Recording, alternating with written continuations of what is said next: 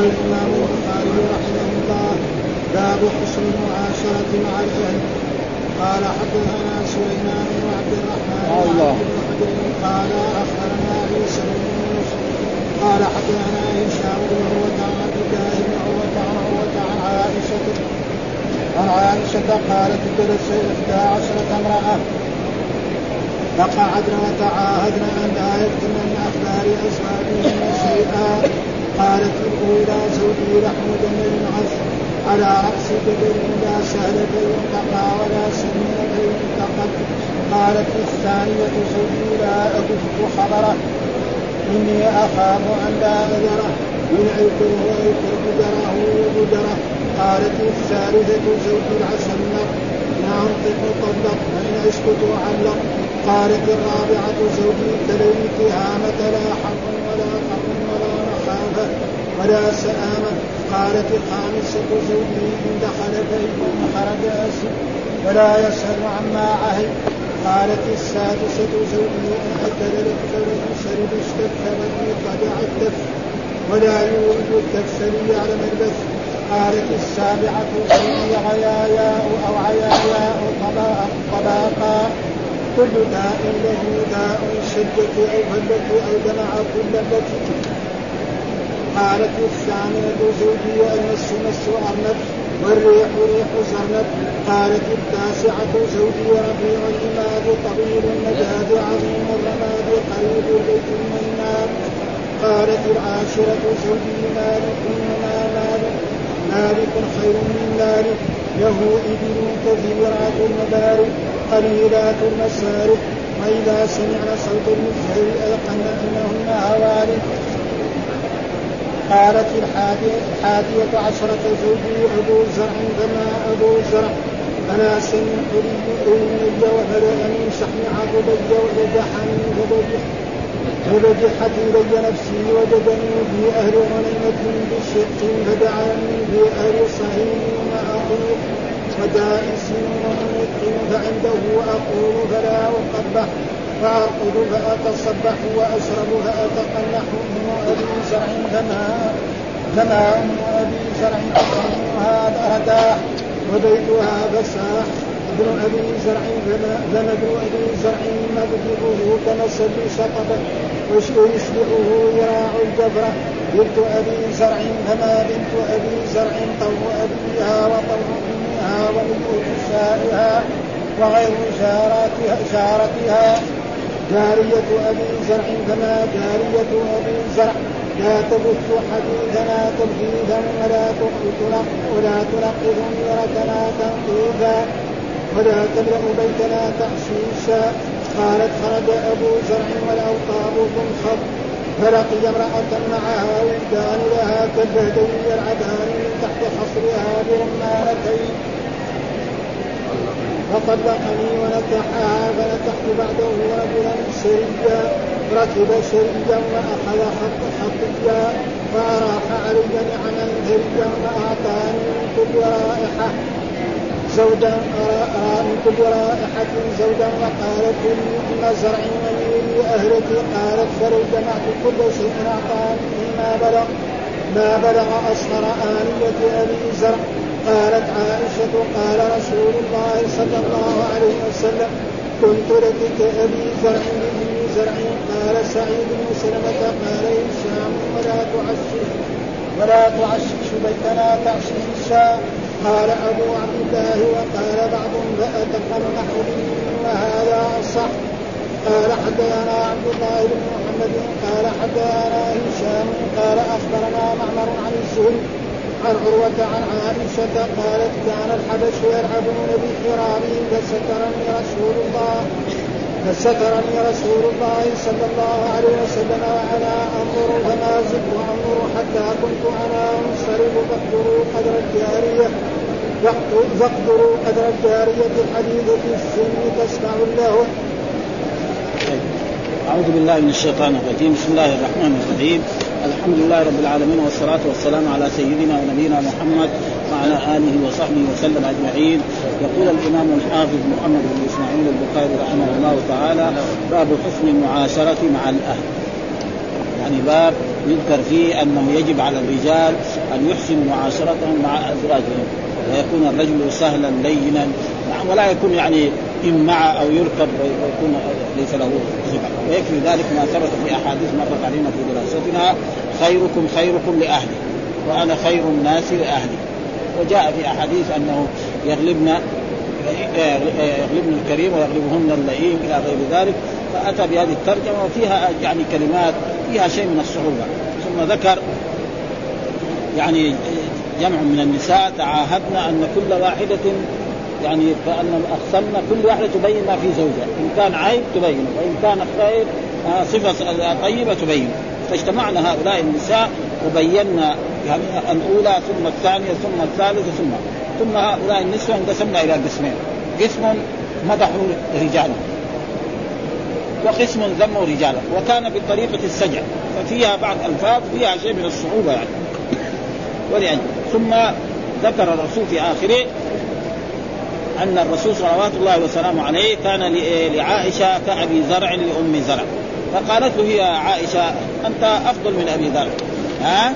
ها؟ وهذه مجاملة من إيه؟ من عائشة لرسول الله صلى الله عليه وسلم. فيقول باب حسن المعاشرة مع الأهل. ويقول في الشرح أن نقرأ بعض شيء لأنه هذا ما يمكن أن ينضبط. إلا هذا قال ابن منير نبه بهذه الترجمة على أن إرادة النبي صلى الله عليه وسلم هذه الحكاية يعني حديث أم سرع ليس خاليا. عن فائدة شرعية وهي الإحسان في معاشرة الأهل. قلت وليس فيما ساقه البخاري التصريح بأن النبي أورد الحكاية. يعني هل هذا الحال هذا الكلام كله الرسول قاله؟ أو مثلا موقوف على الصحابة؟ آه فصار خلاف. فهنا في الحديث الذي ذكره البخاري ما في دليل على ان أن الرسول قال لأنه هنا يقول عن عائشة قالت. ما قال إيش؟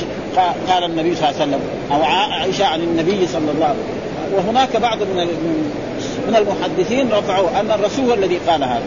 ها لكن الشيء الموجود في البخاري قالت عائشة جلس 11 امراه ففي خلاف هل هو وسيأتي بيان الخلاف في رفعه ووقته وليست الفائدة من الحديث محصوره فيما ذكر بل سيأتي فوائد أخرى منها ما ترجم عليه النسائي والترمذي وقد شرح حديث أم آه، زرع إسماعيل بن بويس شيخ البخاري ورويناه ذلك في جزء إبراهيم بن الحافظ. نعم والأئمة معروفين. قلت والمرفوع منه في الصحيحين كنت لك كأبي زرع لأم زرع. هذا هذا الرسول قال. هذه الكلمة وهذه الجملة هذه مين قالها الرسول صلى الله عليه وسلم. والحديث المرفوع ما قاله الرسول صلى الله عليه وسلم. الحديث الموقوف ما قاله الصحابة. إما فهما من آية أو من حديث أو من هذا يسمى موقوف. فالشيء الذي يقينا أنه مرفوع قاله الرسول أن الرسول قال لعائشة كنت لك لأبي زرع لأم زرع هذا نعم الرسول قال وهو مرفوع وأما هذه القصة كل الأحد عشر امرأة فهذا فيه كلام بعضهم يرى إنه مرفوع. ها؟ وجاء بالصحيح مرفوعا كله.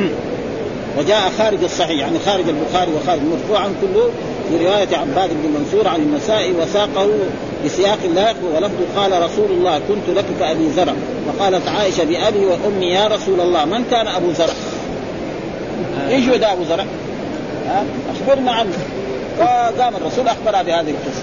ها لكن الموجود في الصحيح يعني أنه يعني تقريبا موقوف وهذا تقريبا هو الأصح. ها فساق الحديث وكان كله وجاء مرفوعا أيضا في رواية عبد الله. ها مصعب الداري وكذا رواه أبو معشر. هذا قال جلس إحدى عشرة قال ابن الدين التقدير جلس جماعة إحدى عشرة وهو مثل. وقال نسوة في المدينة. لأنه إحدى عشرة لازم كان يقول جلست ها؟ لأن المرأة مؤنث حقيقي فلازم جلست فإذا إذا قال كذا يكون إيه؟ كأنه جمع تكسير وجمع التكسير يجوز تذكيره تقول جاءت الهنود وجاء الهنود. ها؟ وجاءت الفاطمات وجاء الفاطمات جائز. لكن جاءت فاطمة هذا يجب. واحد يقول جاء فاطمة هذا ما يصير. ها؟ ها؟ صلت خديجة. ها؟ لازم كذا يقول. فإذا كان جمع ولذلك من جهة ثم ذكر النساء هؤلاء الذين إيه؟ تكلمنا.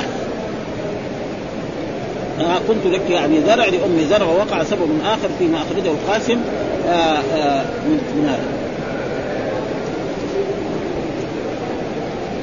طيب هذول فين كانوا هذول الأحد عشر؟ ذكر أن مثلي ومثلك كابي زرع مع أم زرع فقالت يا رب حدثنا عن فقالت كانت قرية فيها إحدى عشر امرأة وكان الرجال خلوفا ها؟ فقلنا تعالين نتذاكر أزواجنا بما فيهم ولا نكذب. يعني هذا القرية والقرية هذه بعضهم ذكر أنها في اليمن كانت وبعضهم ذكر أنها من خشعم وخشعم من اليمن وبعضهم ذكر أنها كانت في إيه؟ في مكة. وعلى كل حال هذا ما يهم. آه في أي مكان إنما المقصود الفائدة التي تحصل من ذلك وهو إيه؟ فقال آه قال أحسن لي أبو أعطاني أبو زرع وأكرمني أبو زرع وفعل أبو زرع وإيش سبب الحديث؟ أنه كان حصل بين بين عائشة وبين فاطمة بنت رسول الله صلى الله عليه وسلم. فقالت عائشة إن أبي يعني كان في الجاهلية من أغنى الناس وكان ماله كذا وكذا ألف درهم من الفضة أو كذا. آه فلما قال ذلك فقال له الرسول هذا الكلام. وهذا دروس من دروس الحياة. يعني لا تفتخري بمال أبيك. آه يعني لا تفتخري بمال أبيك وكان الا كان في الجاهلية. إنما لو افتخرت مثلا بإيمانه وبإحسانه للفقراء والمساكين وبشراء العبيد فكان هذا يعني أجمل واحسن ومعلوم أنها كانت صغيرة. يعني هذا كان عمرها يمكن في الخامسه عشر من عمرها فمثل هذا يعني قد يعفى من إيه؟ من الشباب. مرأة تقول تتمدح بالإسلامية هذا الذي يعني كمان الحافظ يعني راح إيش يبين كل واحدة اسمها إيش؟ من من هذول الأحد. لا أحد لا أعلم أحدا سمى النسوة المذكورات في حديث أم زرع إلا من طريق الذي ذكره وهو غريب ثم ساق من طريق الزبير بن بكار. قلت وقد ساقه أيضا أبو القاسم عبد الحكم المذكور من طريق المرسلة التي قدم الذكرى فإنه ساق من طريق الزبير ابن بكار ثم ساقه من الطريق المرسلة فذكر الحديث نحوه. وسمى ابن جريج في المشاح أم زرع عاتكة وقال إنه فيه أيضا يعني سياق الزبير بن بكار وأن الثاني اسمه عمرة بنت عمرو وأن الاسم الثالثه حيي بضم المهملة وتشديد الموحدة مقصورة بنت كعب والرابعة مهدد بنت أبي هزومة والخامسة كبشة والسادسة عند هند والسابعة حبي بنت علقمة والثامنة بنت اويس بن عبيد والعاشرة كبشه بنت الأرقم ولم يسمي الأولى ولا الثانية ولا أزواجهن ولا ابنة أبي زرع ولا أمه ولا الجارية ولا المرأة التي تزوجها أبو زرع ولا الرجل الذي تزوجته أم زرع وقد تبعه جماعة من الشراح وليس كذلك والثانية رواية الزبير وهي الثامنة. نظر قالت الأولى زوجي لحم جمل غث وهذه من إيه من الجماعة اللي ذموا رجالهم. ها؟ ها؟ الأولى قالت زوجي لحم جمل غث فلحم الجمل معروف يعني فيه خشونة وفيه. وغث معناه هزيل. ها؟ هذا يعني هذا ذنب باين ها؟ ها؟ لأنه تعاهدوا انه كل واحد يبين ما في زوجة. إن كان طيب ولا ها؟ قالت لحم قال الأولى زوجي لحم جمل غث بفتح الجمل وتشديده ويجوز جره صفه للجمل ورفعه صفه للحم المشهور في الرواية الفضل الجيد الجيد الرفع. ونقله التلميذي. والغث الهدير الذي يستغيث منه ذلك. ها أي أي يستترك ويستترك ويستكرى مأخوذ من قوله غث الجرح غثا وغثيثا إذا سال منه القيد واستغثه صار ومنه أغث الحديث ومنه غث فلان في خلقه. وكثر استعماله في مقابلة السمين فيقال للحديث المختلط فيه الغث والسمين. واحد واحد يحكي حكايات خربانة يقول هذا فيه فيه الغث وعلى رأس جبل على رأس جبل وفي رواية عبيد يعني في رواية وقع للسجن والأول ظاهر. أي كثير الضجر شديد الغضة يصعب يصعب الرقى إليه، الجبل كيف تروح إليه؟ بصعوبه، ها؟ فهذا كذلك هذا زوج ده, ده رجل تعبان يعني تقريبا. ها؟ ما هو طيب، ها؟ يعني لا يستفاد منه أنه أي واحد يبغى منه شيء يعني كما يصعد الجبل ثم كذلك ذكرت كمان من من يعني ما يقرب ولا؟ ها؟ ما يقرب ها؟ يعني هزيل يعني ما جاء إيه إيه هزيل ما, ما في فائدة. واحد يبغى اذا وجد لحم هزيل ياكل إنه ياكل. فمعنى إنه لا خير في هذا. لا سهل بالفتح بلا تنوين لا سهل. ها بالفتح بلا تنوين وكذا ولا سمين. ولا يجوز فيهما الرفع على على خبر مبتدأ. ولا هو سهل ولا يجوز الجر على أنه صفة جمل. هذا هذا يعني والجبل سهل فلا يشق ارتقاء اخذ اللحم ولو كان هزيلا لأن الشيء المهزول قد يؤخذ إذا وجد بغير نصب. يعني في بعض المرات إذا واحد وجد شيء بدون تعب ولو كان هزيلا يأخذ. ها؟ لأنه في بعض الناس يشتري شيء من الطعام ما هو طيب ولا يستفيد. لكن لما يكون يعني وجده مجانا يمكن ياخذ يأخذ منه. ف... قال فيرتقى فيصعد فيه وهو وصف للجبل. ولا سمين فينتقل. فهذا معناه إنه ذمت إيه؟ زوجها هذا آه ذما شديدا ويعني آه وقال فسره الجمهور بأنه قليل الخير من أوجه منها كونه كلحم الجمل لا كلحم الضأن مثلا. ومنها مع ذلك مهزوم رديء ويؤيد قول أبي سعيد آه، ليس في اللحوم أشد غثاءة من لحم الجمل لأنه يجمع خبز الطعم وخبز الريح. ومنها أنه صعب التناول لا يصل إليه إلا بمشقة شديدة. وذهب آه، الخطابي إلى تشبيه من جبل الوعر إشارة إلى سوء خلقه. يعني جبل الوعر ها إنه رجل سيء وأنه يترفع ويتكبر ويسمو بنفسه فوق فوق موضعها فيجمع البخل مع سوء الخلق يعني وصفت زوجها آخر شيء أنه بخيل وسيء الخلق. هذا الكلام كله معناه هذا المعنى التي وقالت الثانية زوجي لا أبث لا أبث خبره يعني لا أبين يعني عنده أشياء بطاله كثيرة لكن أنا بس أبين شيء منها. لأنه خاف إذا بينت أشياء البطالة والخبر هذا يعني يطلقني أو يضربني أو هذا. فأنا بس يعني يعني شيء منها أقول. ها شيء من إيه؟ من خبره أقول. قالت الزوج لا أبص خبر بالموحدة ثم المثلث وفي رواية حكاها غياث آه أنس بالنون يدل أي لا أظهر حديثا. أنس بالنون بدل الموحدة أي لا أظهر حديثا. على رواية النون. فمرادها حديثه الذي لا خير فيه لأن النص بالنون أكثر ما يستعمل في الشرع. واني اخاف الا اذره اخاف الا اترك من خبره شيئا. يعني اذا بدي ابين خبره شيء فالضمير اي انه لطوله. يعني لو كان بدي ابين مساوي يبغى له يعني نط طويل. لكن أنا اذكر لكم شيء من إيه؟ من مساوي زوجها هذا. لطوله وكثرته. إن بدأته لم أقدر على تكميله. فاكتفت بالإشارة إلى معايبه خشية أن يطول الخط بإيراد جميعها ووقع في رواية عباد بن منصور وعند النسائي أخشى ألا أذره من سوء وهذا تفسير ابن السكيت ويعيد أن في رواية عقبة بن خالد إني أخاف ألا أذر وأذكر عجره وبجره. آه يعني يعني الأشياء الخبيثة اللي فيه الذي وعليه يعود الضمير حجره بلا شك فانها خشت إن ذكرت ما فيه أن يبلغه فيفارقها يعني لو ذكرت كل معايبه وسمع إن إن زوجة إن زوجة تقول فيه كذا وكذا يطلقها. وعلى كل حال المرأة طلاقها ما هو طيب. ولو كان زوجها سيء الخلق يجلس معاه على كل حال يجيب لها النفقة ويخدمها ويؤدي لها بعض الأشياء. هذا؟ معناه ها؟ عجرة وبجرة بضم أوله وفتح الجيم بعين مهملة والثاني بموحدة جمع عجرة وبجرة بضم الجيم ثم فالعجر تعقد تعقد العصب والعروق. إيش معنى العجر؟ العجر تعقد معلوم العجر البجر العصاب مين يبغى يأكلها؟ أحد يبغى يبغى اللحم يبغى الشيء طيب. يعني معناه ما. ما في فائده يعني تقريبا وقالت الثالثة زوج العشنة ها بفتح المهملة ثم المعجمة وتشديد النون المفتوحة وآخره خاف العشنق يكون معناه الطويل. ومعنى الطول هذا في الرجال.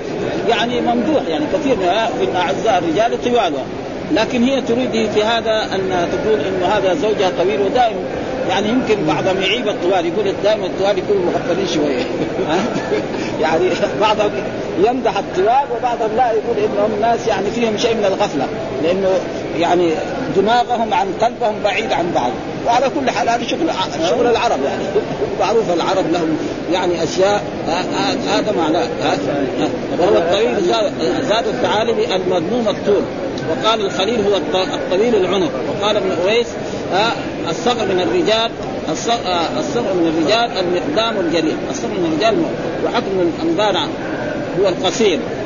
ثم قال كأنه عنده من الاضداد ولم أره لغير إنت. والذي يظهر أنه تصحيف عليه بما قاله أويس وهو المقدام على ما يريد. الشرس وهو المقدام على الشرس في أموره. وقيل سيء الخلق. وقال الأصمعي ارادت أنه ليس عنده أكثر من طوله بغير نفع يعني رجل طويل لكن نفع مادي ما عنده. ها؟ معناه كمان هي ذمت زوجها هذا بغير وقال غيره هو المستكره. ها؟ المستكره الطول.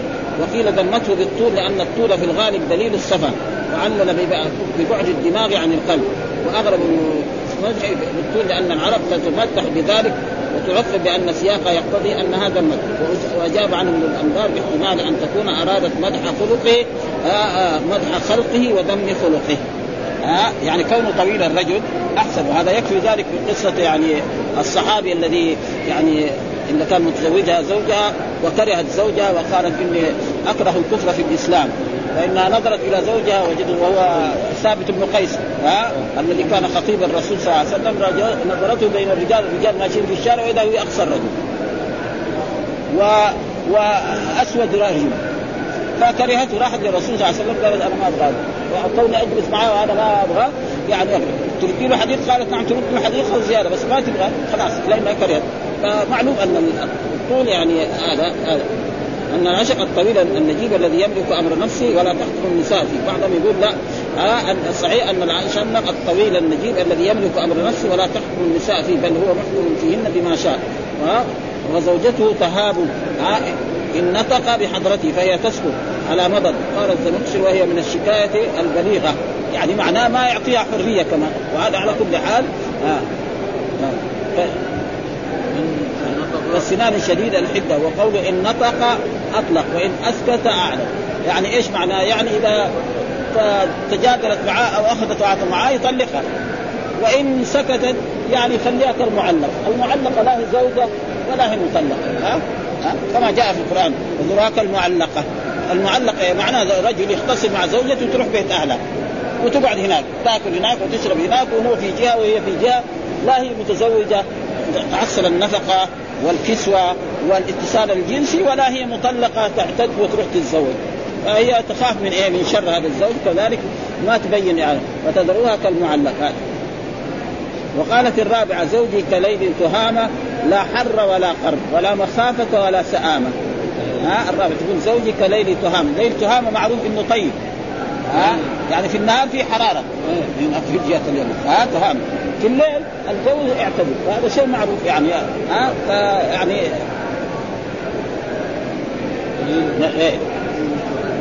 إيه. إيه. زوجك ليل لا حر ولا قر ولا مخافة بالفتح بغير تنوين مبنية مع لا عن الفتح. وهذا معروف انها آه، لا حول ولا قوة وجاء الرفع مع التنوين فيها. يقول لا مثلا في نفسها هذه يقول آه، لا حر ولا قر. جائز يعني معروف ان لا حول ولا إذا تكررت لا يجوز فيها أوجه. ها يجوز في الأول ثلاثة أوجه وفي الثاني يجوز وجهان. ها مثل قال فلا رفث ولا فسوق ولا جدال في الحج. ها. و بالخاء أي آه، لا ثقل عنده عبده تصف زوجها بذلك انه لين الجانب خفيف الوطأ على الصاحب ويحتمل أن يكون ذلك من بقية صفة الليل. وفي رواية والغيث والغيث والغيث غيث غمامة. قال أبو عبيد أردت أرادت أنه لا شر فيه يخاف وقال ابن الأنبار أراد بقولها ولا أن أهل تهامة لا يخافون. هذا تحصنا بجباله. أو ارادت وصف زوجها بأنه حامل دينار مانع لداره وجاره ولا ولا مخافة عند عند من يأوي إليه. ثم وصفته بالجود وقال خيره ضرب المثل بليل تهامة. الطيب لأنه بلاد حارة في غالب الزمان وليس فيها رياح باردة. فإذا كان الليل فإذا كان الليل وهج الحر ساكنة.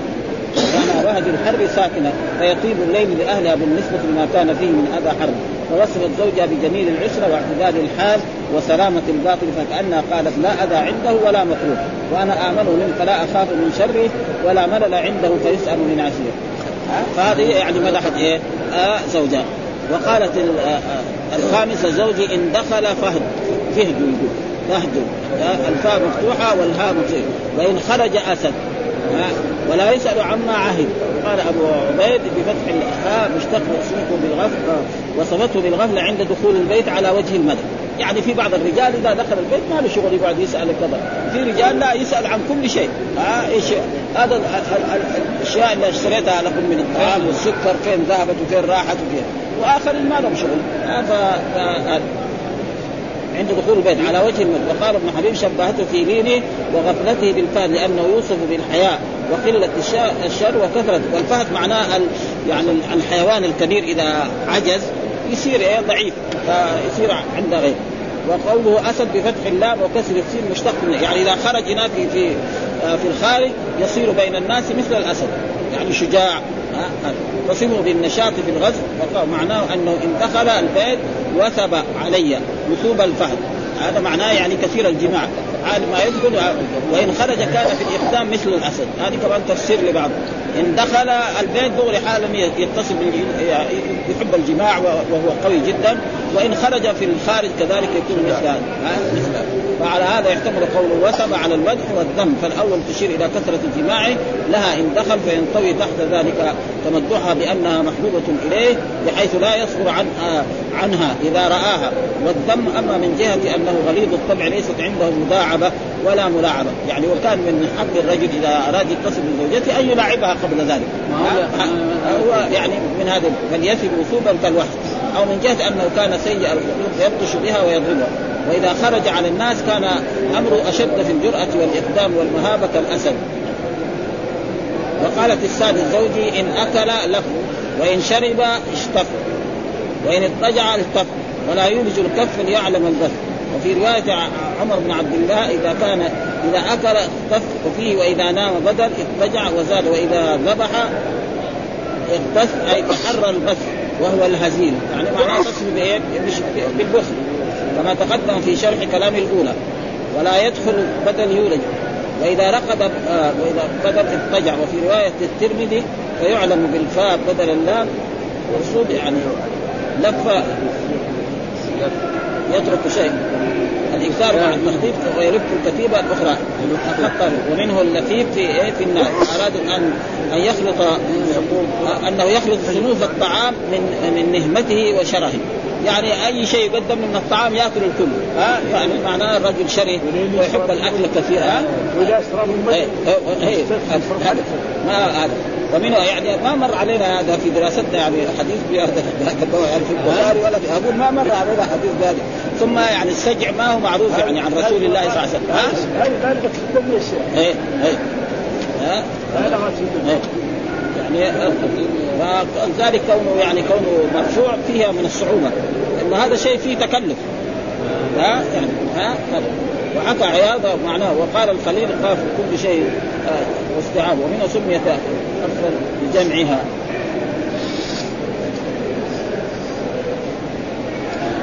والمراد بالبث أنه يقال شدة ويطلق البث أيضا على الشكوى وعلى المرض وعلى الأمر الذي لا يصير. فمقصود يعني آه وقالت السابعة زوجي غياء غياء بالغين وبعدين الثاني غياء كذا في الصحيحين بفتح المعجمة بعدها كثير ثم أخرى بعد الألف. والعياء بالمهملة الذي لا يضرب ولا يلقح من الإبل. يعني ما في فائدة معلوم الإبل الذي إذا صار كبير في السن لا يلقح النور الإناث ولا فائدة بالمعز ليس ليس بشيء. ها والقضاء الأحمق الفدير يعني كذلك انه إنه يعني ما في فائدة وأنه كالادم على هذا يكون تأكيدا لاختلاف اللفظ قوله بعدا وسحقا وقال غياء غياء. بالمعجم مأخوذ من الغي بفتح المعجم والمهملة مأخوذ من العين بكسر المهملة العياء بالمهملة العي الذي تعيبه. مباضعة الذي تعيبه مباضعة النساء الأراض مبالغة من العي في ذلك. يعني ما ما يقدر يتصل بإيه؟ بأهله ضعيف في إيه؟ في الاتصال الجنسي وفي الجماع. يعني وصفته بهذا بهذا الوصف. ها فسوف يلقون والطاء المطلق عليه عمقا وقالت الثانية زوجي آه المس مس أرنب والريح ريح زرنب. هذا مدحت زوجها. ها المس مس أرنب.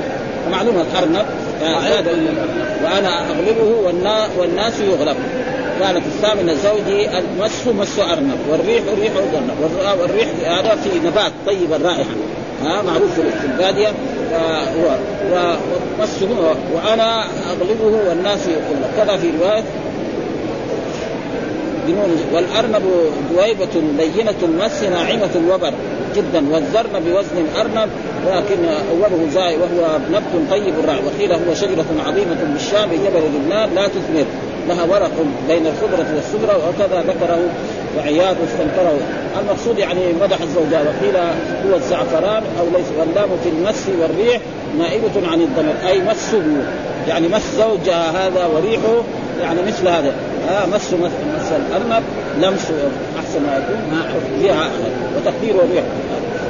قول السمن منوان بدرهم وصيته بأنه لين الجسد ناعم ويحتمل أن تكون تمت بذلك عن حسن خلقه. ولين عريكته بأنه طيب العرق لكثرة أو تطيب العرق لكثرة نظافته واستعماله الطيب.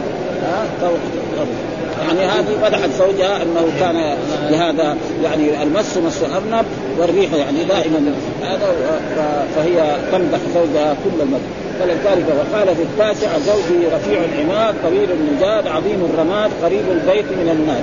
وهذا كذلك في رفيع العماد معناه من عشيرة عظيمة وقبيلة وكذلك عظيم الرماد طويل النجاد معناه كريم جدا وعظيم الرماد كذلك يعني دائما الضيفان يجي ياكل وهذا معروف. يقول فلان إذا أراد يمدحه يقول فلان جبان الكلب.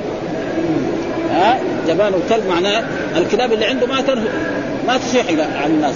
لأنه كل يوم يشوف الناس, الناس يدخلوا بيته. بخلاف إذا رجل يكون عنده كلاب وواحد يدخل عنده أي واحد يبغى يدخل عنده تصيح عليه. ها؟ قال عظيم الرماد قريب البيت من الناس. زاد الزبير بن بكار لا يشبع لا, يشبع ليلة لا, لا يشبع ليلة ضياف ولا ينام ليلة يخاف. وصفته بطول البيت وعلو فإن بيوت الأشراف كذلك يعلونها ويضربونها في المواضع المرتفعة ليقصدهم الطارقون. يعني يروح يدور مكان في أعلى مكان وهناك يسكن. فإذا واحد جاي من بعيد يشوف يشوف ناره دغري يجي إيه؟ يقبل عليه. فهذا معناه إنه إيه؟ وصلته بطول البيت. وجود أما زيادة الشرف أو لطول آه اقامته وبيوت غيرهم مصاب. وقد لهج الشارع بمدح الأول وذم الثاني. إذا دخلوا بيوتهم اقروا على الركبات من قصر العماد يعني هذا اللغة والثانيين لا قال من من لازم طول البيت أن يكون متسعا فيدل على كثرة الحاشية والغاشية. وقيل كنت بذلك آه، كنت بذلك عن شرفي ورفعة قدري والنجاد بكسر النون وجيم خفيفة حمالة السيف. يريد أنه طويل القامه يحتاج إلى طول نجاده وفي ضمن كلامه أنه صاحب سيف فاشارت إلى شجاعته وكانت العرب تتمادح بالطول وتضم القصر. وقوله عظيم الرماد يعني أن نار قواه للأضياف لا تطفئ لتهتدي الضيفان إليه. هذا هو معلوم يقول فلان كثير الرماد. كثير الرماد معناه دائما يطبخ للضيوف يكون كثير الرماد. والثاني ذاك لا إذا أراد يأكل يدور له محل مظلم يأكل فيه لحاله. ها البخيل مرة واحدة. فالعرب يعني يكنوا أشياء زي وقالت العاشرة زوجي مالك وما ملك مالك خير من من ذلك. له إبل آه كثيرات المبارك قريرات المسارع وإذا سمعنا صوتا ايقينا انهن هوالك معناه إنه يعني من كثر الكرم ووجوده حتى حيواناته عارفة. إنه هذا دحين كل ما يجي الضيافة يمسكوا إما الشاة أو البقرة أو الناقة يذبحها. حتى الحيوانات تخاف من إيه؟ ما يبقوا الضيوف. لأنه والحيوان يعني يشعر يعني يعرف. يعني الحيوان ما ما يفهم. لكن يشعر. فالحيوانات فلذلك الرسول أمر أنها لا تذبح أمام بعضها. أنها لكن كيف تساوي؟ يشوف يذبح الخرفان قدام ذبح خروف قدام وهو خروف زيه. معناه إنه سيذبح زيه. يخاف لكن إيش يساوي؟ يطير؟ ما يقدر فلذلك الرسول نهى عن ذلك. ف... فالحيوانات هذه اللي عنده في البيت أو في هذا هي بنفسها تخاف من الناس. فإذا شافت الناس دخلوا إلى بيته عرف دغري دحين يروح يمسك إيه؟ ناقة من النوق يذبحها لضيوفه أو أو شاة أو خروفا. فهذا معناه قليلة المسارح يعني ما تروح المسرح تروح ترعى برا. قاعدة قاعدة للضيوف الحيوانات هذه. ثم دخل جاء ضيف دغري مسك واحد وذبحوه. بس الحيوانات تخاف منه. وهو وهذا فيها. ها بدل المبارك وزاد فيه بدل والمبارك بفتح الجمع مبرك وهو موضع نزول الإبل والمسارح جمع مسح مسح وهو الموضع الذي تنطلق لترع والمزهر والمزهر بكسر الميم وسكون الزاي وفتح أوله آلة من آلات وقيل هو العود. وقيل دف مربع وأنكر أبو سعيد الضرير تفسير المزهر بالعود فقال ما كانت العارف تعرف العود إلا من خالط الحضر منه وإنما هو بضم الميم وكسر الهاء وهو الذي يوقد النار فيزهرها للضيف. هذا هو. إذا سمعت الإبل صوته ومعان النار ولمعان النار عرفت أن ضيفا فرق ها وتيقنت الهلاك. ها ابدا. لما يشوف النار مرتفعة وجاء الضيوف تعرف إنه دغري دغري صاحب آه، صاحب هذا المكان دغري يروح يمسك له إما تيس أو خروفا أو ناقة يذبحها للضيوف. فالحيوانات نفسها يعني ما تبغى هذه الأشياء. ويحتمل أن تريد قليل قليلات المسارح إشارة إلى كثرة طرق الضيفان. اليوم الذي يتركه الضيف فيه لا تسرح حتى يأخذ منه حاجتها للضيفان. ها؟ يعني الإبل ما يخليها تروح تسرح. ها؟ إذا جو الضيوف أول يروح ينقب ال- الغام هذا ويذبحها للضيوف. هذه يعني مدحت زوجها غاية في المدح. وقال قال النووي في بعض النسخ الحادي الحادي عشر. والحادي عشر وفي بعض الحادية والصحيح الأول وفي رواية أم بنت ميل بن ساعدة وزوجي أبو زرع وفي رواية موسى نكحت أبا زرع. فأما أبو زرع وفي رواية أبي ذر وأما فهو المحفوظ الأكثر وزاد الطبراني قول أناس أي من صاحب نعم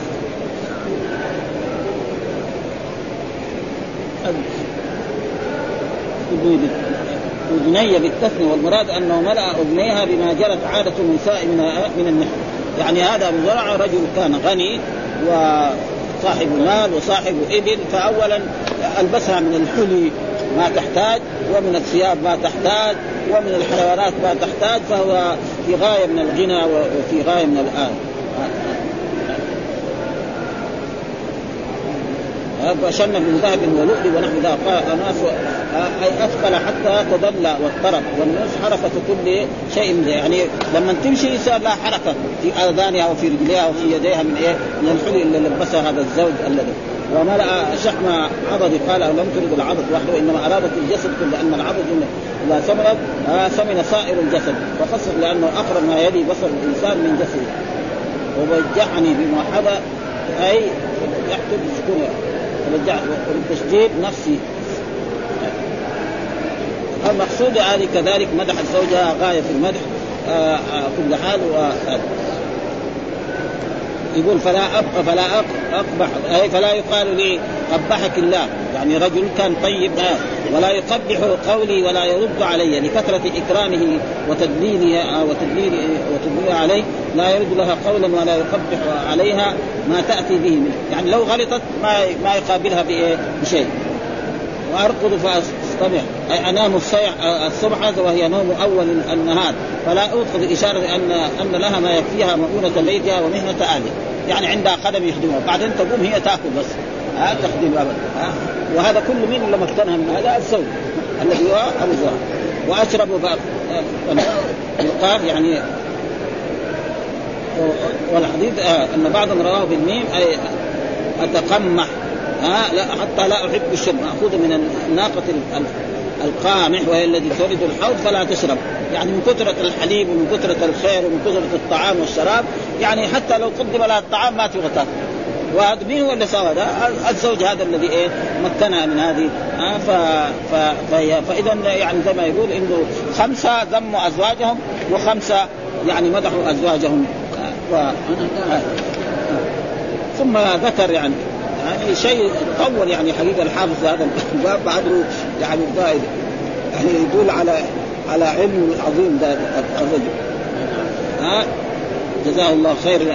ها؟ وجزاه عن طلبة العلم وعن شيء عظيم يعني الحافظ. قال أبو عبد الله قال بعضهم فانقمح بالميم أبو عبد الله المذكور المصنف ويوضح الذي وقع في هذا طيب إيش يقول آه الفوائد الذي نأخذها؟ قال وفي هذا الحديث من الفوائد غير ما تقدم حسن حسن عشر آه المرء أهله بالتأنيث والمحادثة بالأمور المباحة ما لم يفضي ذلك إلى ما يمنع. وفيه المزاح أحيانا وبسط النفس به ومداعبة الرجل أهله وإعلامه بمحبتها لها ما لم يؤدي ذلك إلى مفسدة تترتب على ذلك ها من تجنيها عليه. يعني إذا كثر مدحه كان هذا وبعدين تجي زي ما يقولوا بعدين تركب على على على رأسه ها ها. وفيها منع الفخر بالمال يعني هذا رد إيه لعائشة التي تفتخر بالمال وبيان جواز ذكر الفضل بأمور الدين.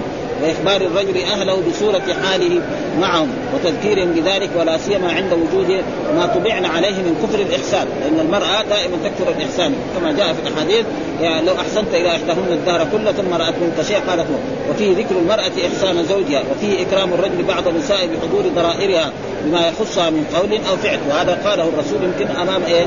أزواجه. ومحله عند السلامة من إيه؟ من الميل المقتضي إلى الجوم وقد تقدم في أبواب الهبة جواز تخصيص بعض الزوجات بالتحف واللطف إذا استوفى إذا استوفى الأخرى حقها. وفي جواز تحدث الرجل مع زوجته في غير نوبتها. يعني إذا كان يعني رجل عنده عدة من الزوجات يجي الزوجة التي ما هي نوبتها يجلس معها ويتحدث معها لكن ما يبات عندها ولا يتصل بها اتصالا جنسيا. وفي الحديث ها وفيه الحديث عن الأمم الخالية وضرب الأمثال بهم اعتبارا وجواز الانبساط بذكر طرف الأخبار ومستطابات النوادر تنشيطا للنفوس. وفيه حث النساء على الوفاء لبعولتهن وقصر الطرف عليهن والشكر لجميلهن ووصف المرأة زوجها بما تعرفه من حسن وسوء. وجواز المبالغة في الأوصاف ومحل إذا لم يضر ذلك ديدنا دينا لأنه يفضي إلى خرم إلى خرم المروءة. وفيه تفسير ما ما يجمله الخبر من الخبر إما بالسؤال وإما ابتداء من تلقائه. وفيه أن ذكر المرأة المرء بما فيه من العيب جائز إذا قصد التنفير عن ذلك الفعل ولا يكون ذلك غيبة إشارة إلى أشار إلى ذلك الخطاب. وتعقبه أبو عبد الله التيمي شيخ عياض بأن الاستدلال بذلك إنما يتم أن لو كان آه، النبي صلى الله عليه وسلم سمع المرأة تختار زوجها فأقرر وأما الحكاية عما ليس بحاضر فليس كذلك لأن هذول دحين ما هم حاضرين. والرسول أخبر عنه إذا كان حديث مرفوع فهذا لا شيء. ها الناس يحكي عن الأمم السابقة. أما إيه واحد يكون موجود في البلد يقول يقول فلان فيه كذا فيه كذا من من العيوب هذا ما ينبغي. لكن الرسول هذا بيحدث عن الناس إيه؟ ماتوا ما هم شيء. هذا ما يكون. ما في ضرر. وفي أن عائشة حكت قصة نساء مجهولات غائبات ها؟ فلو ولو أن امرأة وصفت زوجها بما يكره لكان غيبة محرمة على من يقوله ويسمعه إلا إن كان في مقام الشكوى منه عند الحاكم ها؟ عند الحاكم لا أن تشتكي ها؟ تقول وهذا في حق معين فأما المجهول الذي لا يعرف فلا حرج في سماع الكلام فيه لأنه لا يتأذى إلا إذا عرف أن من ذكره عنده يعرف ثم إن هؤلاء الرجال مجهولون لا نعرف أسماءهم ولا أعيانهم فضلا عن أسمائهم ولم يثبت للنسوة إسلام حتى يجرى عليهن حكم الغيبة. يعني هل هؤلاء المسلمون الذين يقروا النساء مع ازواج الجواب لا. نحن ما لنا شغل فاذا وفوائد كثيرة حقيقة ذكرها. وفيه جواز وصف وصف النساء ومحاسنهن للرجل. لكن محل إذا كن مجهولات ها؟ والذي يشع والذي يشع أبي درعه على أم زرع وفيه جواز وصف النساء ومحاسن لكن محله إذا كن مجهولات والذي يمنع من ذلك وصف المرأة المعين بحضرة الزوج أو أن يذكر من وصفها ما لا يجوز للرجال ها تعمد النظر. وفيه أن التشبيه لا يستلزم مساواة المشبه بالمشبه به من كل جهة. بقوله كنت لك كأبي زرعه يعني الرسول يقول لي لعائشة كنت لك فين ما في مناسبة أبو زرع، أبو زرع ده رجل كان رجل طيب غني وعنده أموال وكان يكرم زوجته، إكرام الرسول غير واكرام هذا يعني ما في مناسبة.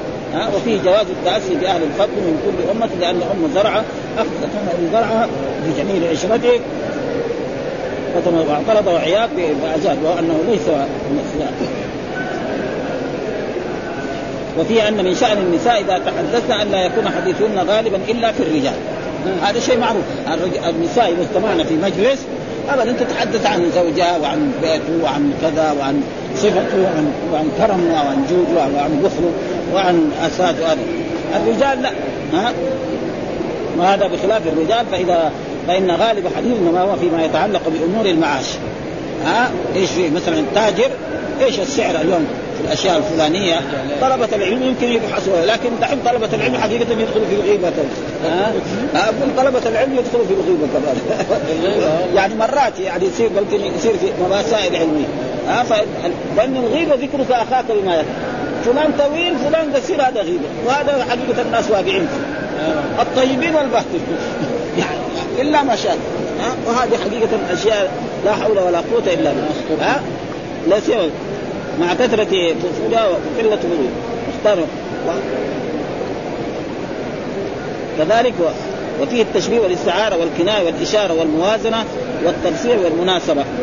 آه هذا كله تقريبا. ثم الحديث الثاني واضح هذا الذي هذا واضح وهو مقراب قال حدثنا عبد الله بن محمد حدثنا هشام أخبرنا معمر عن الزهري عن عروة عن عائشة قالت كان الحبش يلعبون بحرابه يعني كان جاءوا الحبش إلى مسجد رسول الله صلى الله عليه وسلم وكانوا يلعبون بحرابه يضربوا كذا ويساووا كذا. وعائشة صغيرة ذاك السن عمرها 15 سنة. فأرادت تتفرج. فجاء الرسول وقف خلفها كذا هي خلف الرسول وهذا فهي صارت تنظر. تنظر تنظر بين طفشت وراحت. وهذا إيه؟ من إحسان إيه؟ الزوج. وإلا واحد إيه؟ غير هذا غير الرسول. يقول لا لا, لا دخل لك. أنت مراه ليش تتفرج على على على الحبشة وهم يلعبون بالحراب؟ ها؟ فالرسول وقف لها هكذا. يعني هي ترى والرجال أجانب لا يرونها. وتفرجت حتى تمشت من نفسها وراحت. ها؟ وهذا من إيه؟ أنا أنظر فما زلت أنظر حتى كنت أنا انصرف. تقدر قدر الجاريه الحديثه السن. يعني دائما الجاريه ويكفي ذلك قصص كثيرة أنها كانت تلعب بالعرائس. ها؟ عندها عرائس خيوط هذه بنتي وهذه خالتي وهذه عمتي وهذه كذا وهذا كذا. مثل ما جاء في حديث برضه تقدم لنا قال أما سمعت عن فرس سليمان؟ هي تقول للرسول. ها؟ فرس سليمان كان عنده جناح. يقول فضحك الرسول حتى بدت نواجذ هذا ها وأخبر كذلك لما سئل أسامة عن عائشة قالت إنها امرأة حديثة السن يعني ما فيها من العيب إلا يعني تلعب مع البنات عرائس وتأتي الدواجن فتأكل إيه عجينة. هذا الشيء الذي يقال عليه. الدواجن معناه إن الغنم الصغار الذي في البيت أو البساس أو الهرر إذا عجنت عجين تريد أن تحدث لرسول الله صلى الله عليه وسلم في الظهر غداء نعم تروح تلعب مع البنات عرايس يجي الدواجن أو البساس يأكل العجين. يجي الرسول بعد الظهر وإذا به العجين راح. معناه العجين يبغى له إيه؟ له دقيق ثاني مرة و... ويعجن ثم حتى يخمر. الخبز ما يصير إلا بعد ما يخمر. إذا كان بعدين يصير خربان. فهذا هذا العيب اللي فيها. أما كونها يعني يكون فيها الزنا حاشاه. هذا وهذا يعني مدل فهذا هو حسن المعاشرة مع الآية وهو يعني يطابق الترجمة في المية مية. والحمد لله رب العالمين وصلى الله وسلم على نبينا محمد وعلى آله وصحبه وسلم.